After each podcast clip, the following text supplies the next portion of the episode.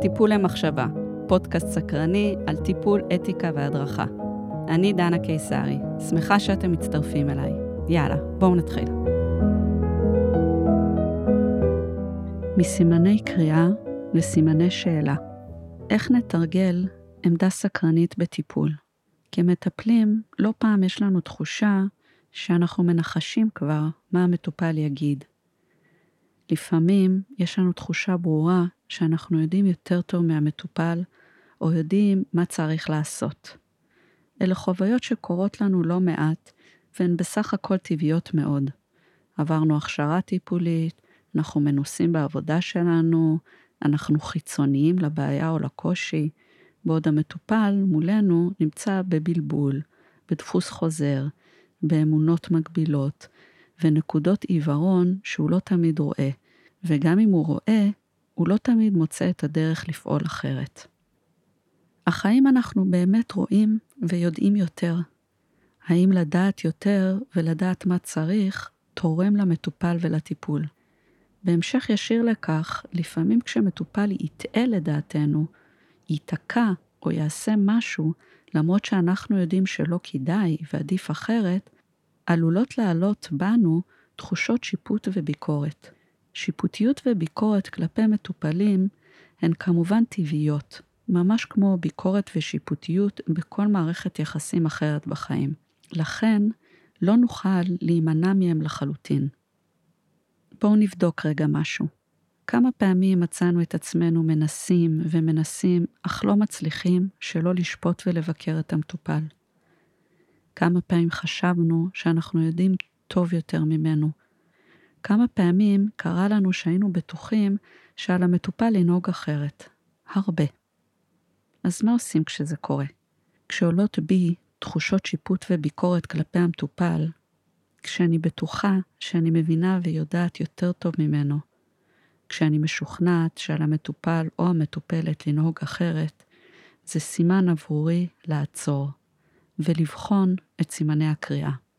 זה סימן עבורי לשים סימן שאלה.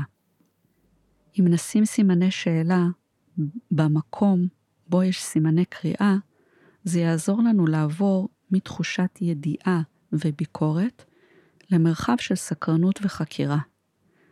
למשל, כשהמטופל אומר על משהו שהוא מעצבן, ועושה מחווה כלשהי עם היד, האם אני יודעת למה בדיוק הוא התכוון? מה שם בדיוק מעצבן אותו? או האם אני מנחשת ומשלימה אותו? האם אני עוצרת ושואלת שאלה? האם אני מבקשת ממנו הרחבה? ומה קורה כשמטופל אומר משהו שמעצבן אותי או מקפיץ אותי? האם הבנתי באמת למה התכוון, או נתתי פירוש מתוך העולם שלי? האם הקשבתי באמת, או השלמתי ממה שחשבתי שאני כבר יודעת? חוסר הבנה הוא מקור נפוץ לעימותים, לניתוק קשר ולהעצמת רגשות שליליים כלפי אדם אחר. לכל אחד מאיתנו סיפור חיים, התנסויות, מערכות יחסים, עליות ומורדות. כשכל אלה פוגשים אדם נוסף, נוצר מרחב משותף. במרחב המשותף נמצאים כל סימני הקריאה של שני הצדדים. סימני הקריאה שלנו הם תוצאה של דפוסים שנוצרו כתוצאה מסיפור חיים אישי. סימני הקריאה הרבה פעמים מייצרים תקיעות בתוכנו, וגם במערכות יחסים, כשהם נפגשים ונתקלים זה בזה. נוסף על אלו, סימני קריאה נוטים להיות מהירים יותר וחדים, כך שאנחנו עשויים להגיע אליהם כמעט אוטומטית, כמעט בלי להרגיש. אני רוצה לתת דוגמה איך זה קשור לסיפור ולדפוסים שלנו. נניח שבתור ילדה צחקו עליי או העליבו אותי כשהבעתי את דעתי, וכתוצאה מכך למדתי לשתוק, לא להביע דעה. בתוכי למדתי כל כך הרבה שנים לא להביע את דעתי, עד שאני בטוחה שאין לי דעה, או שהדעה שלי לעולם לא תתקבל. אני יודעת ברמה מוחלטת שהדעות שלי הן מקולקלות או לא מקובלות. בתוך מערכות יחסים, הצד השני עלול לפרש את השתיקה שלי מתוך התנסות חייו שלו, מתוך סימני הקריאה שלו. למשל, הוא עלול לפרש שאם אני שותקת, אולי לא אכפת לי ממנו, שאני מתעלמת, אולי אפילו מתנשאת. זוהי דוגמה למפגש בין סימני קריאה, להקשבה ופעולה אוטומטיים מתוך סימני קריאה פנימיים. זו אינה הקשבה מתוך פתיחות וסקרנות לשתיקה שלי. למעשה, כשסימן קריאה אחד פוגש סימן קריאה שני, נוצר סימן קריאה שלישי במרחב של הקשר. סימן קריאה שמנתק את הקשר או מקשה על התקשורת. כך קורה פעמים רבות בחיים וגם בקליניקה, אם מטופל מגיב בדרך מסוימת ואני מנחשת או יודעת מראש למה התכוון, אני עשויה לפספס אותו. אני עשויה לפרש אותו מתוך עולמי ולייחס לדברים שלו כוונה אחרת לגמרי. לכן אם ניקח את הנתונים האלה ונכניס סימן שאלה במקום סימן קריאה, המשוואה תשתנה מיד. כשאנו מוסיפים סימן שאלה, נפתחות אפשרויות חדשות. יש תנועה, יש הקשבה אמיתית. נכנסת סקרנות ופתיחות שאומרת, אני לא בהכרח יודעת. אני לא ממהרת לנחש או להשלים. אני שואלת ומבררת. אני חוקרת איתך או איתך.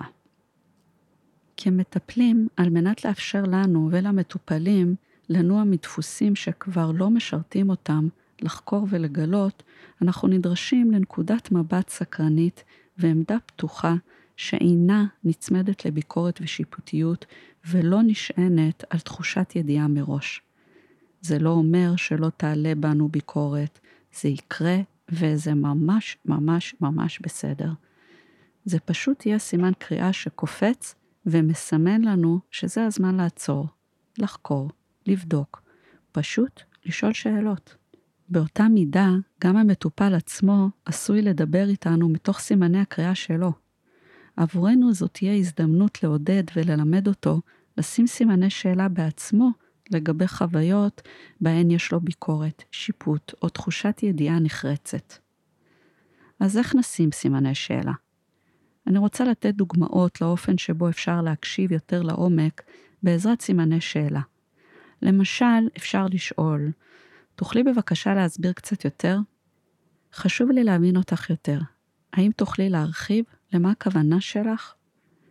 או למשל כשאני מהדהדת ומשקפת, אשאל בסוף האם לכך התכוונת? במקום הזה אוסיף ואזמין את המטופלים לא לקבל את המילים שלי, אלא ממש לבדוק האם המילים שאני השתמשתי בהן מדויקות, ואם לא, לקחת רגע, לדייק אותי. זה צעד מאוד מאוד חשוב גם ביחסים בינינו, וגם לאפשר למטופלים לחפש עוד ועוד בתוך העולם הפנימי שלהם. דרך אחרת עבורי ועבור המטופל להקשיב לעומק מעבר לסימני הקריאה תהיה לפנות לגוף. בואי נעצור רגע. תני לעצמך רגע להרגיש מה קורה עכשיו. כשאת מדברת על הנושא הזה, האם הגוף שלך מגיב באיזושהי צורה? או בואי נסי לתאר לי מה קורה לך עכשיו כשאת מדברת על זה, ממש בגוף.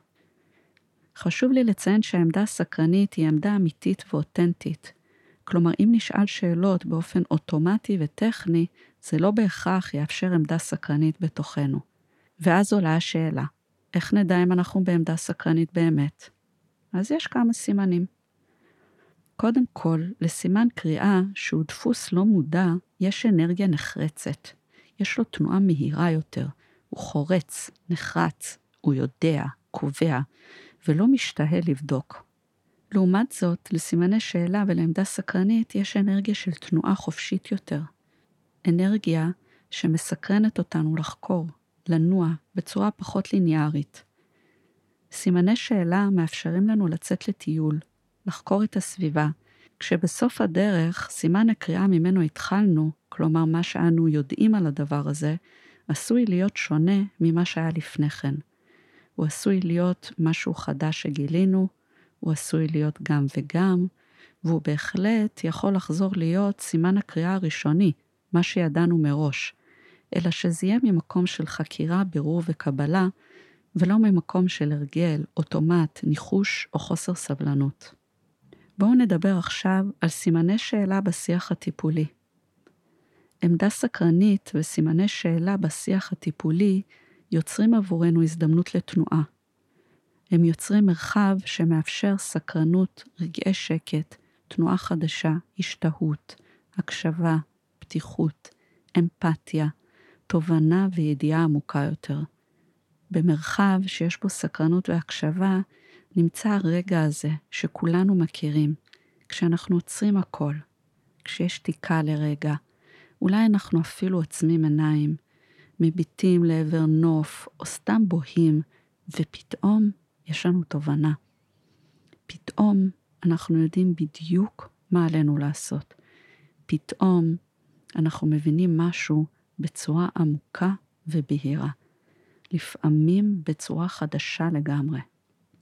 התוספת המשמעותית לכך בקשר הטיפולי היא שברגע שזה קורה בקליניקה, ברגע שהשיח הטיפולי מאפשר חקירה ושהייה או תובנה, המטופל לא לבד. אנחנו שניים במרחב אחד משותף. המטופל יכול לחלוק את הרגע המיוחד הזה עם אדם נוסף. זה רגע משמעותי ומהותי ממש. אני רוצה להתעכב רגע על כמה שזה חשוב למטופלים שלנו. מטופלים ומטופלות רבים מגיעים אלינו לאחר שנים של חוויה אוטומטית. שנים שבהם לא הציעו להם סימני שאלה. לא שאלו אותם מעולם מה שלומם, למה הם מתכוונים כשהם אומרים כך או כך, מה הם מרגישים כשקורה משהו כזה או אחר. יותר מכך, מטופלים מגיעים אלינו אחרי שנים שבהם הם יודעים טוב מאוד במה הם לא בסדר, במה הם לא טובים, במה אחרים בחייהם אשמים, או לא מצליחים לתת להם. כמטפלים נהיה האדם הראשון בחיי המטופל שלנו ששואל באמת, שמזמין את המטופלת לשהות, לבדוק, לשים סימן שאלה על משהו נחרץ מאוד, ביקורתי מאוד, ידוע מזמן. לפעמים נהיה אלה שילמדו מטופל או מטופלת לקחת את התנועה הזו מסימני קריאה לסימני שאלה כמודלינג לחיים שלהם ולמערכות היחסים שלהם. חשוב לי להוסיף פה שבפודקאסט הזה אני מעלה את המודעות לעמדה סקרנית ולהעלאת יותר ויותר סימני שאלה. עם זאת, יש מקרים, והם לא נדירים, בהם האחריות שלנו היא דווקא לשים סימני קריאה.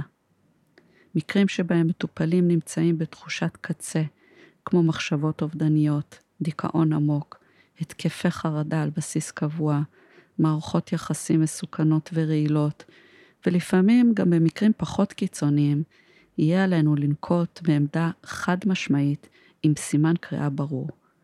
המשמעות של הפודקאסט שלי, לא רק בפרק הזה, היא לדעת שיש קצוות, ועלינו לדעת לנוע במרחב בין הקצוות באופן אחראי ומיטיב, וזו כמובן השאיפה שגם המטופלים שלנו ינהגו כך. לסיכום, אני רוצה לומר, סימני שאלה ועמדה סקרנית בטיפול חשובים ומהותיים לתהליך של המטופל, לא רק משום שכך אני כמטפלת אבין טוב יותר, אלא כי כך הוא עצמו יכיר את עצמו טוב יותר. זו הדרך בה מטופלות ומטופלים יכירו את סימני הקריאה הפנימיים שלהם, יתחילו לגשש ולשים סימני שאלה בעצמם, יגלו בעזרת סימני השאלה דברים חדשים על חייהם, על הבחירות שלהם, על הדפוסים שלהם, על מערכות היחסים שלהם, ויבחרו מתי הם רוצים לשים סימני שאלה, מתי סימני קריאה, ומה הם סימנים אחרים שנמצאים אי שם בדרך. אז בפעם הבאה, שנראה לנו שהבנו בדיוק מה המטופל שלנו צריך לעשות, בפעם הבאה שהמטופל שלנו אומר משהו נחרץ ומוחלט, או יודע בדיוק מה לא בסדר, ולמה קורה מה שקורה. בפעם הבאה שנחשוב שאנחנו יודעים בדיוק למה המטופלת התכוונה, בפעם הבאה שנפגוש סימן קריאה חזק, פשוט נעצור, נשים לב. נזכיר לעצמנו לנוע מסימן קריאה לסימן שאלה. ננשום, נפתח את המרחב לחקירה משותפת, חקירה סקרנית, קשובה, פתוחה.